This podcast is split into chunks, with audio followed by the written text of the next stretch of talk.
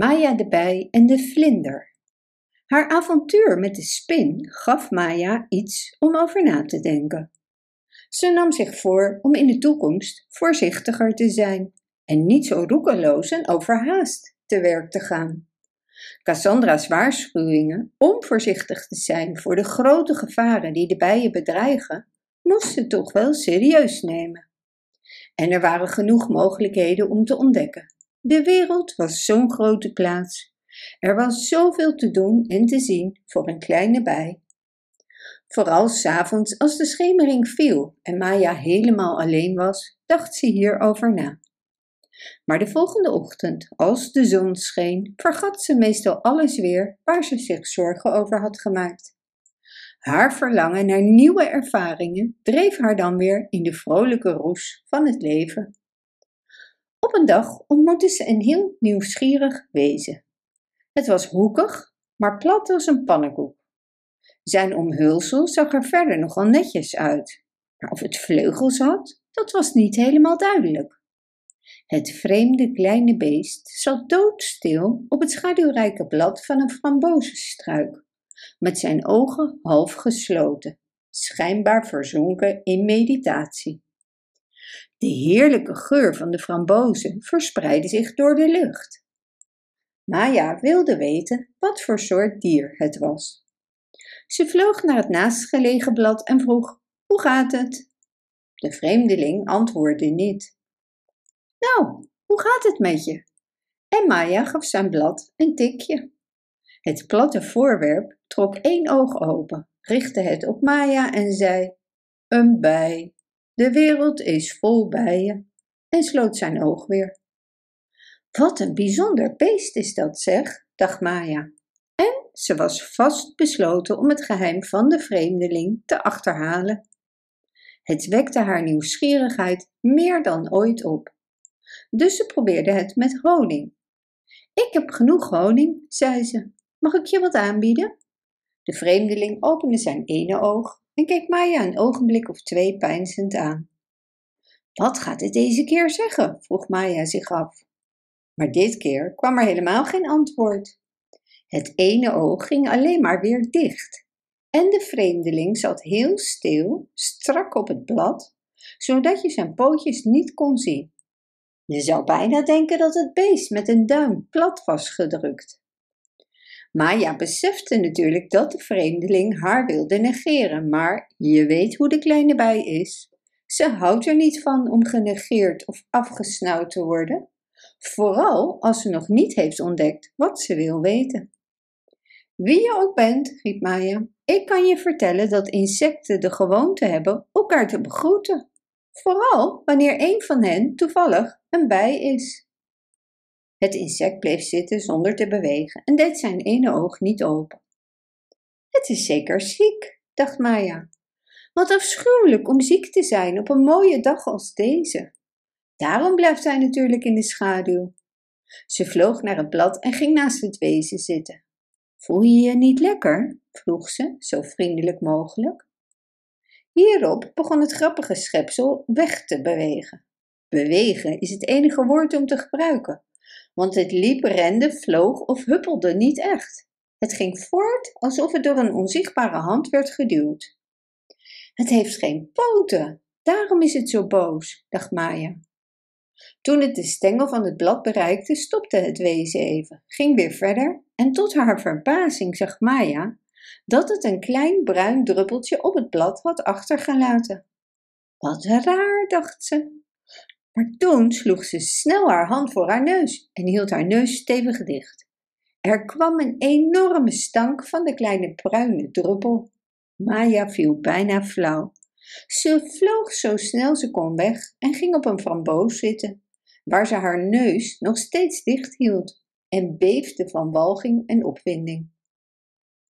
Dat is goed voor je, riep iemand boven haar en lachte. Waarom zou je een stinkwans ook aanraken? Niet lachen, riep Maya. Ze keek op. Een witte vlinder was neergestreken op een dunne wiegende tak van de frambozenstruik en deed langzaam zijn brede vleugels open en dicht. Hij zat stil en gelukkig in de zonneschijn. De vlinder had zwarte hoeken aan zijn vleugels en ronde zwarte vlekken in het midden van elke vleugel. Ach, wat mooi, wat mooi. Maya vergat haar ergernis en ze was ook blij om met de vlinder te praten. Ze had er nog nooit kennis mee gemaakt, hoewel ze er heel veel voorbij had zien vliegen. Oh, zei ze, waarschijnlijk heb je gelijk als je lacht. Was dat een stinkwans? Dat was het, antwoordde hij nog steeds glimlachend. Het soort persoon om bij weg te blijven. Jij bent waarschijnlijk nog heel jong, hè? Nou, merkte Maya op, zo zou ik dat niet precies willen zeggen. Ik heb al veel meegemaakt. Maar dat was wel het eerste exemplaar van dat soort dat ik ooit ben tegengekomen. Kun je je voorstellen dat jij zoiets zou doen als de stinkwans deed? De vlinder moest weer lachen. Weet je wat het is? legde hij uit. Stinkwansen houden het graag voor zichzelf. Ze zijn niet erg populair, dus gebruiken ze de geurige druppel om de aandacht op zich te vestigen. Zonder die druppel zouden we waarschijnlijk al snel hun bestaan vergeten. Het dient als een herinnering en ze willen herinnerd worden hoe dan ook. Maya praatte verder met de vlinder. Wat zijn je vleugels mooi, echt zo prachtig, zei Maya. En mag ik mezelf voorstellen? Maya, van het volk van de bijen. De vlinder vouwde zijn vleugels samen en het zag eruit als slechts één vleugel die recht in de lucht stond. Hij maakte een lichte buiging. Fred, zei hij laconiek. Maya staarde de vlinder verwonderd aan. Vlieg eens een stukje, vroeg ze. Zal ik wegvliegen? Oh nee, ik wil gewoon je grote witte vleugels zien bewegen in de blauwe lucht. Maar laat maar, ik kan wachten tot later. Waar woon jij? Nergens speciaal. Een vaste woning is te vervelend. Het leven werd pas verrukkelijk toen ik in een vlinder veranderde. Daarvoor, toen ik nog een rups was, zat ik de hele dag in de kool en het enige wat we deden was eten en kibbelen. Wat bedoel je precies? vroeg Maya verbijsterd. Vroeger was ik een rups, legde Fred uit. Dat is nooit mogelijk geweest, riep Maya. Wel, wel, zei Fred met zijn beide volsprieten recht op Maya wijzend. Iedereen weet dat een vlinder eerst een rups is, zelfs mensen weten het. Maya was volkomen perplex. Zou zoiets echt kunnen? Je moet het echt duidelijker uitleggen, zei ze. Ik kan niet zomaar aannemen wat je zegt. Dat kun je niet van mij verwachten. De vlinder ging naast het bijtje op de slanke wiegende tak van de frambozenstruik zitten en ze wiegden samen in de ochtendwind. Intussen vertelde hij haar hoe hij het leven als rups was begonnen. En toen, op een dag, toen hij zijn laatste rupsenhuid had afgeworpen, hij eruit kwam als een pop. Na een paar weken, vervolgde hij, werd ik wakker uit mijn donkere slaap en brak ik door het omhulsel van de pop. Ik kan je niet vertellen, Maya, wat een gevoel er dan over je heen komt als je na zo'n tijd ineens de zon weer ziet. Ik had het gevoel alsof ik smolt in een warme gouden oceaan.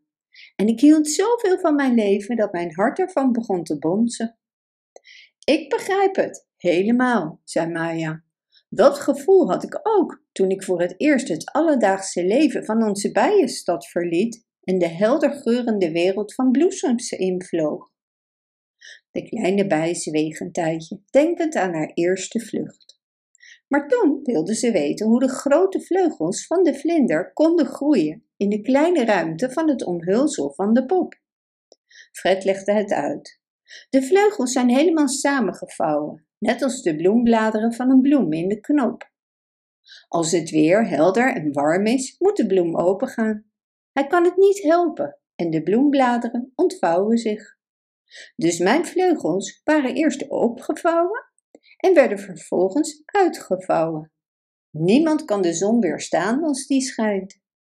Nee, nee, niemand kan de zonneschijn weerstaan, mijmerde Maya, terwijl ze naar de vlinder keek die in het gouden licht van de ochtend zat, zuiver wit tegen de blauwe lucht. Mensen verwijten ons vaak dat we lichtzinnig zijn, zei Fred. Maar wij zijn echt blij, alleen dat. Gewoon blij. Ze zouden niet geloven hoe serieus ik soms over het leven nadenk. Vertel me wat je allemaal denkt. Oh, zei Fred, Ik denk aan de toekomst.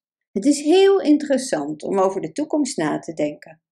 Maar nu zou ik graag willen vliegen.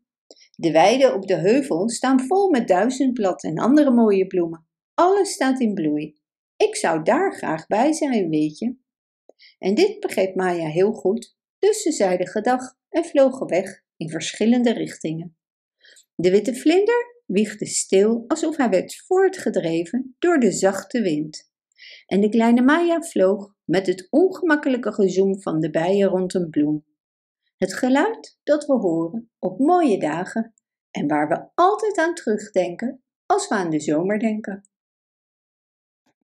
Bedankt voor het luisteren. Wist je dat je dit verhaal ook op onze website ririro.com/nl kunt lezen, downloaden en printen?